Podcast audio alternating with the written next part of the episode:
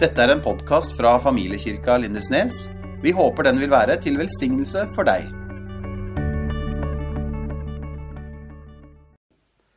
Jeg håper at du har hatt en flott sommer, og at du har fylt den med gode ting. Og at du er nå klar for høsten. For det er fantastisk med sommer, men så syns jeg det er deilig med hverdag òg. Det er noe deilig liksom, når den starter. litt sånn. Det er mandag, tirsdag, onsdag, så kommer helga, så er det litt fint. Så, jeg syns hverdag er bra. Det er godt å være i gang. Så velkommen, og velkommen hjem. Og det er tema eh, for denne søndagen, og det var jo litt det forrige søndag òg, selv om det ikke var sånn definert. Men vi var sammen på Solstrand og, og kom hjem til fellesskapet etter sommeren. Og så skal vi fokusere på det i dag, og så skal vi også fokusere på det neste gang. Eh, så det er bra. Du er velkommen hjem. Og det å kjenne på og, ønske seg et hjem det, det, det, er noe veldig menneskelig. Og det var flott å høre, eh, godt å høre Kirsti i stad, som, som snakka om disse forskjellige steder som faktisk kan kjenne ut som et hjem. Jeg er jo eh, oppvokst i Holmestrand. Når jeg kommer hjem der, så er det hjemmet for meg. Men så har man et hjem her også. Andre steder man kjenner seg hjemme. Og det å kjenne en sånn lengsel eller et behov, et ønske om å komme hjem, det er noe som ligger i oss. Det er menneskelig. Og det er til og med lagt i oss fra Gud, tror jeg. Vi, Gud har lagt evigheten inni oss, og vi, vi søker å komme hjem. Så hvis du en gang har kjent på hjemlengsel, kan ha vært en gang du var på reise, eller liksom, du gleda deg til å komme hjem igjen, eller du bodde et sted en gang hvor du liksom, var ikke helt der, jeg bodde, og lengta du hjem. Eller at du andre ganger har bare gått og kjent på en sånn følelse kanskje som var ikke så lett å få tak på. Med, med på en måte at åh, jeg lengter hjem. Ikke alltid det er lett å plassere det heller. Men da har jeg en hilsen til deg fra Gud i dag, og det er at du er velkommen hjem. Og du er velkommen hjem for det første til Gud. Du er velkommen hjem til Gud. Og I evangeliet etter Lukas så forteller Jesus en lignelse som ofte kalles for den bortkomne sønn. Om en far som har to sønner. Og disse to sønnene de greier å rote seg litt vekk hjemmefra. Hvert på sitt vis, faktisk. Mer om det seinere. Men vi skal høre fra Lukas 15 om overskriften i den nye oversettelsen heter 'Sønnen som kom hjem'. Men vi skal se her at det er to sønner som faktisk trenger å komme hjem. For vi skal lese i Lukas kapittel 15, som starter med vers 11, der det står i Jesu navn Jesus sa En mann hadde to sønner. Den yngste sa til faren, 'Far, gi meg den delen av formuen som faller på meg.' Han skiftet da eiendom mellom dem. Ikke mange dager etter solgte den yngste sønnen alt sitt og dro til et land langt borte. Der sløste han bort formuen sin i et vilt liv. Men da han hadde satt alt over styr, kom det en svær hungersnød over landet, og han begynte å lide nød. Da gikk han og søkte tilhold hos en av innbyggerne der i landet. Mannen sendte ham ut på markene sine for å passe grisene. Og I en jødisk kontekst så er det å passe griser det er lavmål. Du skulle ikke helst være nær grisene. Men nå, nå hadde den sunket så lavt at nå var den blant grisene. Han ønsket bare å få mette seg med de belgfruktene som grisene åt, og ingen ga ham noe. Da har han sunket så lavt at han er i nærheten av griser, jobber med det, ønsker å få maten til grisene. Og da skjer det noe med sønnen. Da står det noe her. Det står 'Da kom han til seg selv'. Det er en god, godt øyeblikk. Og det er ikke bare det for de som på en måte kanskje ikke har tatt imot Jesus ennå, å komme til seg selv og erkjenne at 'jeg trenger en Gud'. Fantastisk.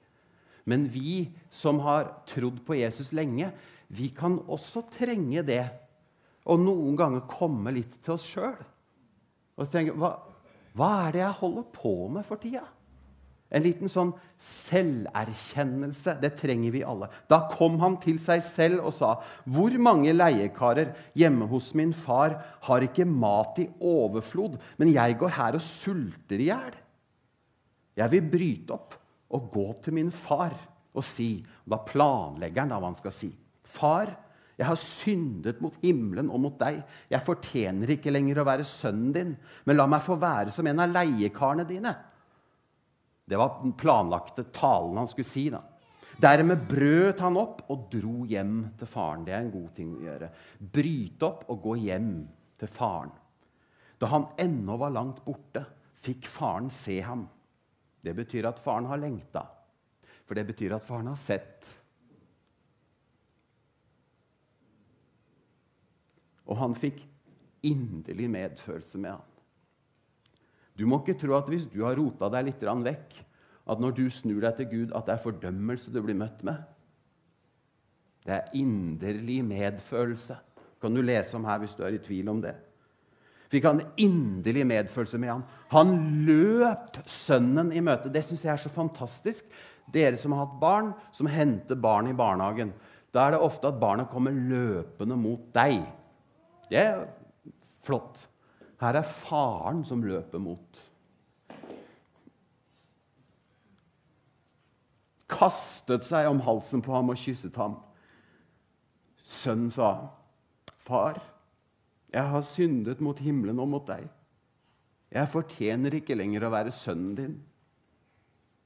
Men faren sa til tjenerne, 'Skynd dere, finn fram de fineste klærne og ta dem på ham.' 'Gi ham ring på fingeren og sko på føttene.' Han lar ikke han Hørte dere i stad? Han hadde planlagt mer å si. Det rekker han ikke å si.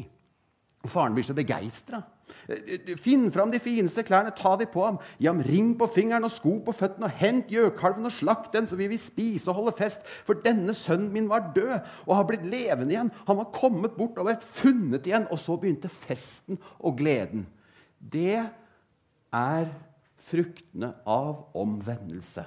Enten hvis du er en som ikke tror og snur deg, eller vi som snur oss til Gud. Det er det Gud vil. Det er hans reaksjon. Så er det da ingen fordømmelse for den som er i Kristus. Det er ingen fordømmelse for den som snur seg til Gud. Det er dette. Dette er et vakkert bilde på det å komme hjem til Gud. Og den yngste sønnen som vi hører om her, han representerer det vi kan kalle opprør. Fordi du skal høre at De to sønnene representerer to forskjellige ting. To forskjellige måter å rote seg vekk på.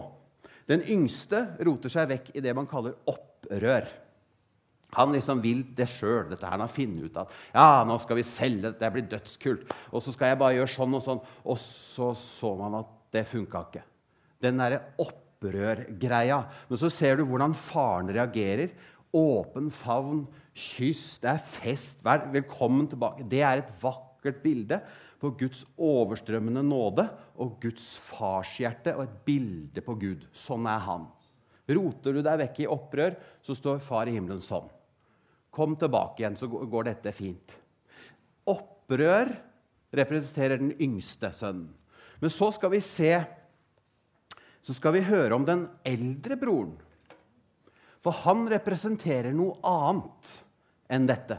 Men likevel en måte å komme seg helt vekk hjemmefra. Da skal vi høre videre i fortellinga. Da leser vi videre fra vers 25. Imens, altså imens dette her Imens at han kom hjem, og det var fest og party, og nå er det gjøkalven, og yes, det er helt topp. Imens alt dette skjer, var den eldste sønnen ute på markene. Da han gikk hjemover og nærmet seg gården, hørte han spill og dans. Så han ropte på en av karene og spurte hva som var på ferde. 'Å, din bror har kommet hjem', svarte han. 'Og din far har slaktet gjøkalven, for han har fått ham tilbake i god behold.' Da ble han sint og ville ikke gå inn.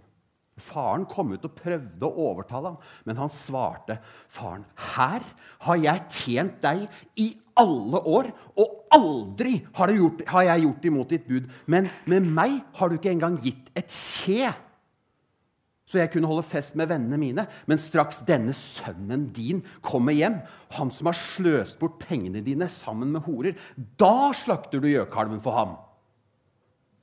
Hører du den derre bitterheten? Den fullstendig mangel på å se med nådefulle øyne. Og så svarer faren, 'Barnet mitt, du er jo alltid hos meg.' og alt mitt er ditt. Men nå må vi holde fest og være glade, for denne broren din var død og har blitt levende. Han var kommet bort og har blitt funnet igjen. Den eldre broren representerer noe helt annet, men likevel en måte å komme seg helt vekk på. Nemlig det man kan kalle religiøsitet. Det er når du har mista den hjerte-til-hjerte-relasjonen med Gud, når du har glemt nåden og forvilla deg inn i en type sånn distanse til Gud mens du tjener Gud. Og Det er litt det som Jesus kanskje hinter til når han sier disse menneskene de ærer meg med leppene, men hjertet er langt unna. Det der når man har, man har glemt hjerterelasjon, når du har glemt at alt handler om nåde, da kan man kalle det for religiøsitet. Strev, plikt. Det derre kjøret, og så mister du nåden. Det er den eldre broren. Og faren i, i, i lignelsen han ønsker begge to velkommen hjem. Men det er altså to måter å gå seg vill på. Nummer én i opprør, og nummer to i religiøsitet. Og så kan du si at Selvfølgelig er det de som ikke har tatt imot Jesus ennå. Der er jo den yngste sønnen veldig godt eksempel på noe som har rota seg fullstendig vekk fra Gud. Og Da er det jo selvfølgelig 'velkommen hjem, bli frelst'.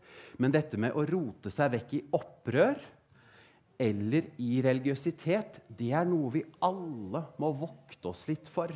Og kan gjøre lurt i å følge litt med på oss sjøl. Sant?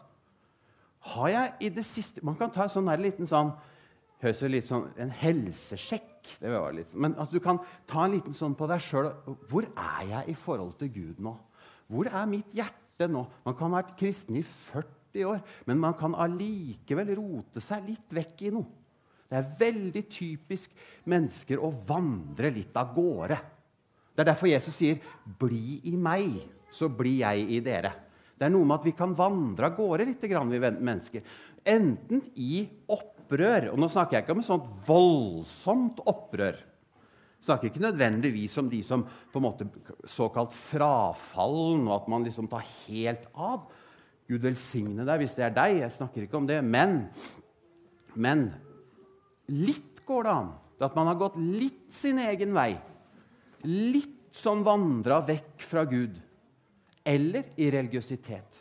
Har jeg glemt nåden? Har jeg glemt hvor alt starter hen? Og har jeg forvilla meg i strev, i plikt, i religiøsitet? Det gjør vi godt i å ta en liten sjekk med oss sjøl på det jevne.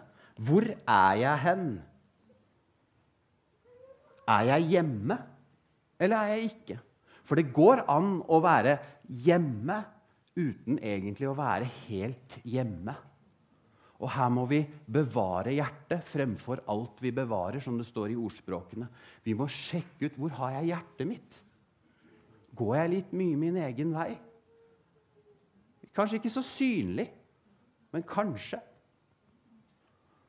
Eller ble, har det blitt for mye pes og strev? Har liksom kristendom blitt noe sånn tungt arbeid? Da bør du ta en liten sjekk på hjertet ditt. Og uansett, det kan du vite Uansett, sånn som faren i denne fortellingen Om du har, om du har rota deg vekk i det ene og det andre, snur du deg sjøl inni deg, så er det sånn som faren i fortellinga står. Sånn ønsker han deg velkommen hjem. Det er ikke med fordømmende øyne, men det er å si 'kom hjem, for her er det best å være'. Du er velkommen hjem til Gud, uansett hvor du er. Nummer to. Ikke bare er du velkommen hjem til Gud, til å ha en nær relasjon med Han. Men du er velkommen hjem til kirka. Du er velkommen hjem til fellesskapet mellom de som tror. Du er velkommen til kirka. Og når vi snakker om kirke, hva mener vi da? Hva er kirke? Da, Hvis vi skal definere det, så må vi først begynne å snakke om hva en kirke ikke er. En kirke er ikke en bygning. Det er fantastisk at vi har bygg. Yes! Det er det ikke alle i verden som har. Det skal vi være umåtelig takknemlige for. Både her på Betel og Betania. Vi har bygg å komme til. Fantastisk, fantastisk. Yes. Men det, kirka er ikke en bygning. Det er ikke sånn at Jesus ga sitt liv for en bygning. Selv om ofte i vårt hode så er det det, liksom. Men Jesus han ga livet sitt for deg og meg, for oss, for flokken, for de som tror, for sin familie. Det er det han ga livet sitt for. Kirka er heller ikke en institusjon eller en organisasjon. Selv om man må følge visse regler når det har blitt sånn som i dag, med ansettelser og litt sånn styresett, og sånn, så er Kirka fremdeles ikke først og fremst en institusjon eller en organisasjon. Vi må heller se til Bibelen for å se hva Gud sier at en kirke er. Eh, og vi skal få første vers opp her, hvis ikke den har kommet ut av det. Skal vi se. Har du den, Tidemann, der? Det skal jeg skru den av og på? Eller åssen henger vi på her?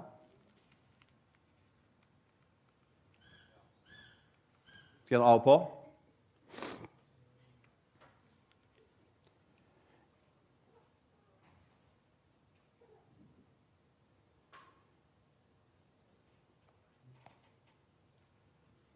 Skal jeg bare lese det? Ja. Det er det, vet du. Ok. I evangeliet etter Lukas kapittel 3 så står det om Jesus i hans Der var vi ja! I hans ettertavler. ja. Og Da står det at Jesus var omkring 30 år gammel da han begynte sin gjerning. Han ble holdt for å være sønn av Josef, som var sønn av Eli. Og så kommer det veldig mange navn i denne ettertavla. Men på slutten så står det 'sønn av Enors'. Dette er helt fra Jesus og helt liksom tilbake. da. Sønn av Enors, sønn av Sett, sønn av Adam. Det første mennesket, altså. Sønn av Adam, sønn av Gud. Adam blir kalt sønn av Gud. Dette, det første mennesket, viser Guds drøm. For det er nemlig sånn at Gud har en drøm. Gud har en drøm, og det er å skape familie. Og du ser Det første han gjorde, det er å skaffe seg en sønn. Sønn av Gud, Adam. Så kommer Jesus, som er den andre Adam, for å gjenopprette dette her. Men dette var Guds opprinnelige eh, drøm. Og så skjer jo syndefallet. At Guds drøm blir brutt. Mennesker synder, gjør opprør, forviller seg vekk fra Gud. Det kom et skille mellom mennesker og Gud. Der, og, og det vet dere som er foreldre. Hvis det skulle skjedd et skille mellom dere og barna deres, det er enormt smertefullt. Men det skjer et skille mellom Gud og menneskene. Men Gud har ennå ikke gitt opp sin drøm. Så etter syndefallet så starter prosessen der Gud åpenbarer seg stadig mer for menneskene. Gud og mennesker får stadig mer kontakt. Loven blir gitt med Moses, profeter blir sendt, konger og ledere kommer og går. Men kontakten mellom Gud og mennesker den er fremdeles full av opprør og konflikter. Og I Jeremia kapittel 3 og vers 19 så skal vi se litt av Guds hjerterop og det problematiske med det han ønska, men som ikke blei sånn. Dette var Guds drøm, og så hører vi hjertet hans, hvordan det reagerer. 'Jeg sa', sier Gud. Som, 'Jeg ville sette deg blant sønner og gi deg et herlig land.' Altså, sånn, 'Jeg skulle bare ønske at dere var barna mine.' sier han, Den prektigste arv blant folkeslagene. Og så kommer det på en måte, du kan høre et litt sånn sårt fra hjertet til Gud. 'Jeg tenkte det ville kalle meg far.' Det var planen. og ikke vende dere bort fra meg. Her hører vi Guds hjerte og den drømmen som ikke blei. Men Gud har ikke gitt opp sin drøm, og en dag så kommer Frelseren og gjenoppretter den kontakten som var mellom Gud og mennesker. Og der er vi i dag. Og nå er tilgangen til Gud alltid der. Og nå er den drømmen som Gud ønska. Og vi som tror, vi er den familien. Gud drømte om familie. Han drømmer om familie, og vi er den familien. Det er kirka. Ikke en bygning, ikke en institusjon, ikke et kultursenter. Selv om det er fantastisk med aktivitetene som starter opp, det er fantastisk med at vi har ulike arrangementer, men gudstjenesten er ikke først og fremst et arrangement. Kirka er ikke et kultur- eller aktivitetssenter à la kulturskolen. Ikke noe gærent med kulturskolen, men kirka er mer enn det. Kirka er Guds drøm. Det er Guds familie. Helt tilbake til det første Gud gjør. Nå er vi der. Det er Guds drøm. Det er kirka. Og i Romerne kapittel 12 vers 10 så står det Elsk hverandre inderlig som søsken. Her hører du Guds drøm. Det er oss. Vi er søsken. Sett de andre høyere enn dere selv. Der har vi de fleste av oss noe å jobbe med. Men elsk hverandre inderlig som søsken. Dette er Guds drøm. Dette er kirka. Og enda tydeligere står det her. Her får vi på en måte, her er vi i dag, liksom. Det står Sett alt inn. Dette er Efeserbrevet kapittel 4, vers 3-6. Sett alt inn for å bevare åndens enhet. Det betyr fellesskapet. At vi, at vi ikke er i konflikt og opprør med hverandre, men bevar åndens enhet. I den fred som binder sammen. Gud ønsker at vi skal være bundet sammen. Én kropp, det er kirka. Det er oss. Det er en kropp, det er ikke en bygning. Én kropp, én ånd, slik dere fikk ett håp da dere ble kalt. Én Herre, Jesus. Én tro, én dåp, én Gud og alles Far. Han som er over alle og gjennom alle og i alle. Dette her er Guds drøm. Gud er far. Jesus er vår eldre bror. Kirka er kroppen. Dette er Guds familie. Dette var det han drømte om helt tilbake fra Adam. Helt til i dag. Og Gud har fått realisert den drømmen gjennom Jesus og det han gjorde på korset. Det er fantastisk. Så vi er familie. Og hva gjør en familie? da? Jo, en familie gleder seg sammen. Familie deler sorg, byrder. Familie hjelper hverandre, støtter hverandre, forsvarer hverandre, ler sammen, spiser sammen, er sammen. En familie bærer hverandres byrder. Vi ser i Galaterbrevet kapittel 6 vers 2.: Bær byrdene for hverandre. Dette er familie. Bare tenk deg dere som har familie. Hva skjer hvis en har slått seg, en som ikke har det bra? Hva gjør familien rundt da? Da flokker vi oss rundt. Dette er det som verset står. Bær byrdene for hverandre og oppfyll på denne måten Kristi lov. Og i vers 1 så starter det med 'mine søsken'. Dette er familie. Familie er der for hverandre. Det er dette som ligger i Familiekirka Lindesnes. Familiekirka Lindesnes er ikke en klubb for de som er vellykka nok til å greid å stifte en familie. Det er, det er, ikke det som ligger i det navnet. Familiekirka Lindesnes er ikke ja, her satser vi på familie, derfor heter vi Familiekirka Lindesnes. Det er ikke derfor vi heter det. Ja, vi satser på familie og ekteskapet. Yes! Det er fantastisk. Det må kjempes for i dagens samfunn. Ikke misforstå. Men det er ikke det som er overskrifta for det. Familiekirka Lindesnes, det er Guds familie på Lindesnes. Skjønner du forskjellen? Det er ikke en klubb for de som ja, her har jeg kommet, jeg, og jeg greide å gifte meg det, det, det, er ikke, det er ikke sånn. Familien kommer sammen. Det betyr at du er velkommen hjem hit til den familien. Om du er singel, eller om du er gift, eller om hva enn Whatever. Så er du velkommen hjem. til familiekirka.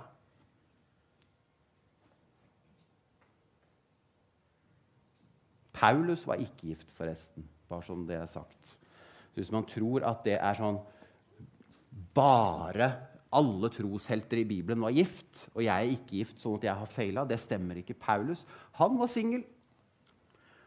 Han til og med advarte mot det å bli gift. Eller han sa noe sånn 'hvis dere absolutt må'. Og det skal jeg innrømme at jeg har lest de versene noen ganger. Jeg måtte absolutt det? Nei, nei, Maria. men, men, det er litt Nei da. Men um, ja.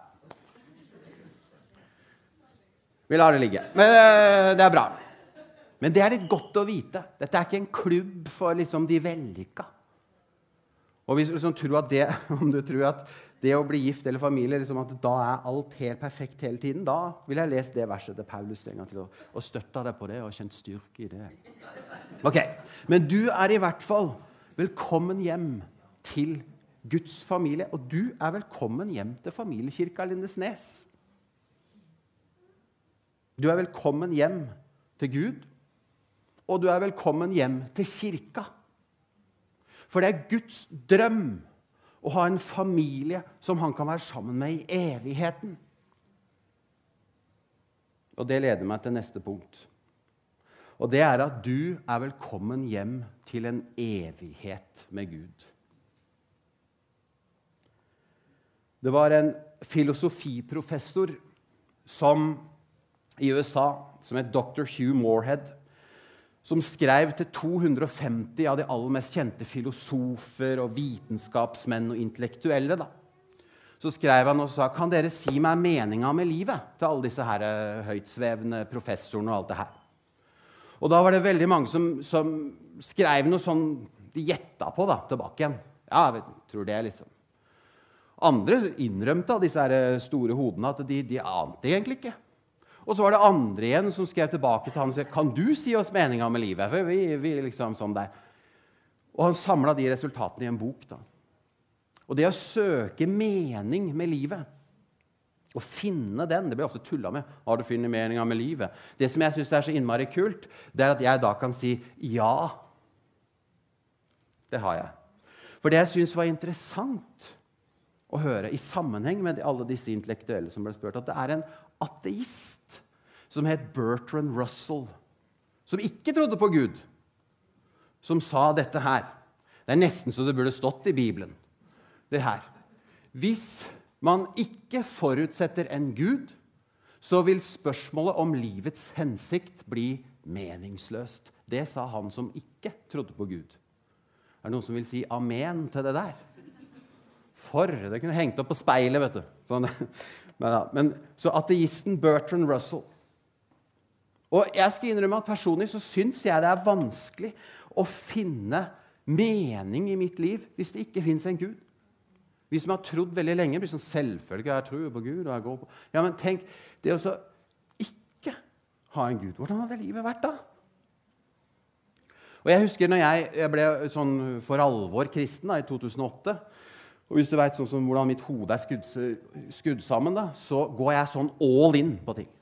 Da var jeg all in kristen. Så jeg reiste til Israel aleine sammen med Philadelphia Kristiansand.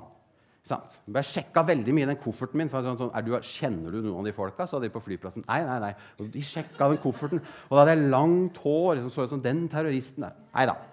Så jeg dro aleine til Israel. Det var helt sånn langt hår. Og, og, sandaler gikk jeg med. Sånn, sånn, 'Du ligner på Jesus.' Uh, så, kors hadde jeg sånn. Jeg har klippet meg siden det. Men da gikk jeg sånn all in. ikke sant? Og, og det er bra. Men da, et år seinere ble det litt sånn all in på tvil. For da var det litt sånn plutselig Oi, hva er, det, hva er det jeg har begynt å tro på her nå? ikke sant? Så, sånn, tror jeg på dette? Det ble skikkelig kjipt. faktisk. Det sånn der, nå nå veit jeg ikke om jeg kan tro på det. Masse spørsmål angående helvete og masse greier som jeg slåss veldig med. da. Husker jeg fikk en liten sånn åpenbaring da, i den vonde tvilsperioden. om at, For da var jeg nesten sånn Jeg vet ikke om jeg klarer å tro på dette her. Så fikk jeg en liten sånn derre Ok, si hvis jeg nå dør, da. Og så er det ikke noe mer. Alt liksom kan bare helles i vasken, alt jeg har gjort, liksom. Der, da var det noe som skjedde i meg. Så tenkte jeg det, det kan ikke være. Da skjedde det noe med den tvilen min. Da var det et sånt lite vendepunkt. Sånn kan det ikke være. Det er nødt til å være noe mer. Det er nødt til å være noe mer etter dette livet. Så det ble en sånn fordi jeg, sånn, jeg, tenker sånn, Hvis jeg ikke har noe etter dette livet her, da kjenner jeg veldig strev med å finne mening med det livet jeg lever akkurat nå. Hvis det ikke er noe etterpå. Fordi jeg tenker sånn at vi er en del av en større fortelling. Og hvis vi ikke har noe etterpå, da er det noe i den fortellinga som mangler. Og jeg syns det er så godt å være en del av en større fortelling. Å kunne tro på det som står i den boka her. For da veit jeg hvor jeg kommer fra. Og jeg veit hva meninga med livet er akkurat nå. Og jeg veit hvor jeg skal hen etterpå. Det er så godt å vite det. Å være en del av en større fortelling.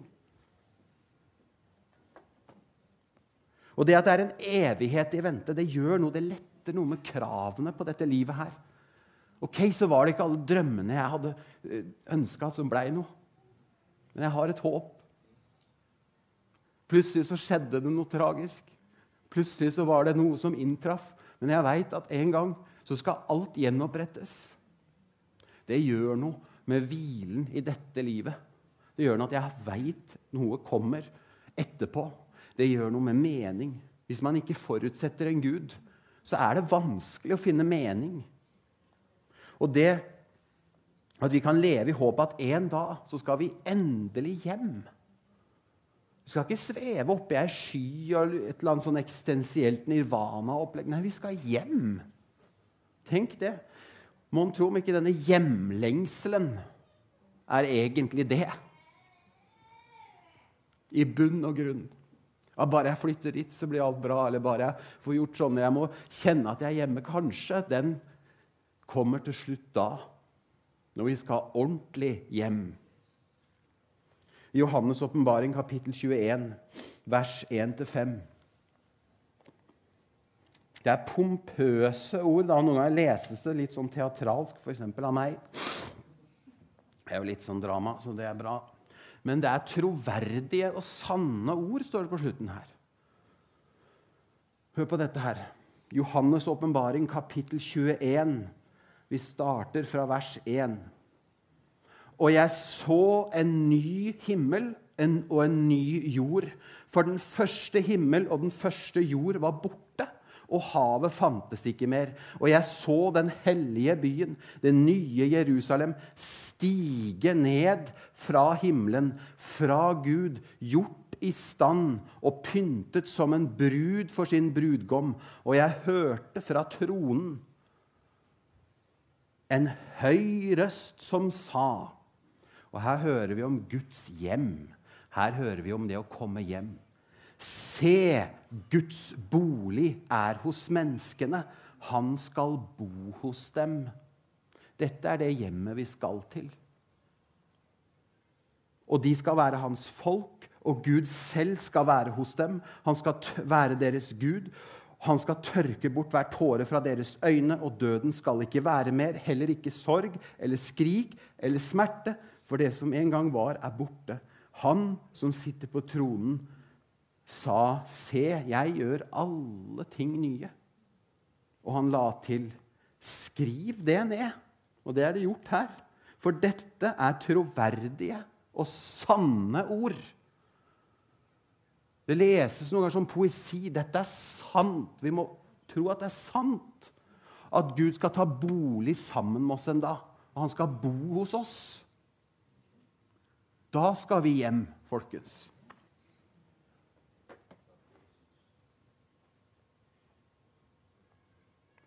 Noen sier at når noen dør, så sier de at han, gått, han har gått bort. Nei, hun gikk bort. Vi som tror på Jesus, vi har ikke gått bort. Vi har gått hjem. En dag så skal vi endelig hjem. Og du er velkommen hjem. Og hvis du er her i dag som ennå ikke har et avklart forhold til Jesus, så er dagen i dag å gjøre det på. For da får du vite at det er en grunn til at du er her. Du får en mening med her du lever, og du veit at du skal hit, som jeg nettopp leste om. Hvis du ennå ikke har et avklart forhold til Jesus, så skal du komme fram her etterpå, og så skal vi be for deg for det. Og må Gud velsigne deg hvis du tar det valget i dag. Da kan dere komme opp. Nå skal vi få høre en vakker sang som handler om å komme hjem. Og den heter 'Som når et barn kommer hjem om kvelden'. Fantastisk sang. Den ligger på Spotify. Gå hjem og hør den flere ganger i dag. Det handler om å komme hjem til Gud. Og Jeg skal lese litt av den teksten først, så du får den litt inn, og så skal vi høre den etterpå. Men teksten er sånn her. Som når et barn kommer hjem om kvelden og møtes av en vennlig favn. Slik var det for meg å komme til Gud. Jeg kjente at her hørte jeg hjemme. Det var en plass i Guds store rom, en plass som ventet på meg her. Og jeg kjente at her er jeg hjemme. Jeg får være et barn i Guds hjem. Og jeg har lyst til å minne oss på lignelsen om de to sønnene som hadde gått litt hjemmefra. Hvis du er her i dag, og du kjenner at du har rota deg vekk i mye plikt og strev og religiøsitet og glemt hjerterelasjonen til Jesus, så er dagen i dag å komme hjem. Hvis du har rota deg litt vekk i opprør, du har gått litt din egen vei, og det har vært litt sånn ting du har holdt på med som både du og Gud skjønner at det er ikke så godt for deg å gjøre akkurat det der. Så er dagen i dag for å komme hjem. Hvis du har hatt et aktivt forhold til en kirke, men det er lenge siden du har hatt det, så står vi her og ønsker deg med åpne armer velkommen hjem til kirka. Det er dagen i dag også til å ta et steg og si nå har jeg lyst til å være oftere med i kirka. Og vi i familiekirka Lindesnes vi står akkurat som farene i lignelsen og sier 'velkommen hjem til deg'. Du er velkommen hjem til kirka og fellesskapet mellom oss som tror. Det er ikke en klubb for de vellykka. Det er en klubb for de svake. Som trenger en far, og som trenger en eldre bror som heter Jesus vi trenger å bli frelst og redda hele gjengen. Vi er som sauer. Men vi trenger en hyrde, og vi trenger å være en del av den flokken som er på vei hit, som jeg leste fra. Det er det tryggeste stedet du kan være. Det er å være kobla på et menighetsfellesskap. Det er usikkert for deg hvis du ikke er det. Det tryggeste plassen å være er å være kobla på et fellesskap. Hvor enn du finner det fellesskapet, da. Må ikke være her. Men Det er den tryggeste plassen. I dag er tida for å komme hjem til kirka. Og mens du hører denne sangen nå, så må du huske på at en dag så er du velkommen hjem til evigheten sammen med Gud. Da skal vi dit til Guds bolig sammen. Og hvis du ennå ikke har tatt imot Jesus, så er i hvert fall dagen i dag å gjøre det på. Og Gud velsigne deg hvis du ønsker det. Da kommer du fram her etterpå. Så nå hører vi den sangen, og så lar vi Gud jobbe med oss og snakke med oss og snakke til hjertet til eh, oss. Må Gud velsigne deg.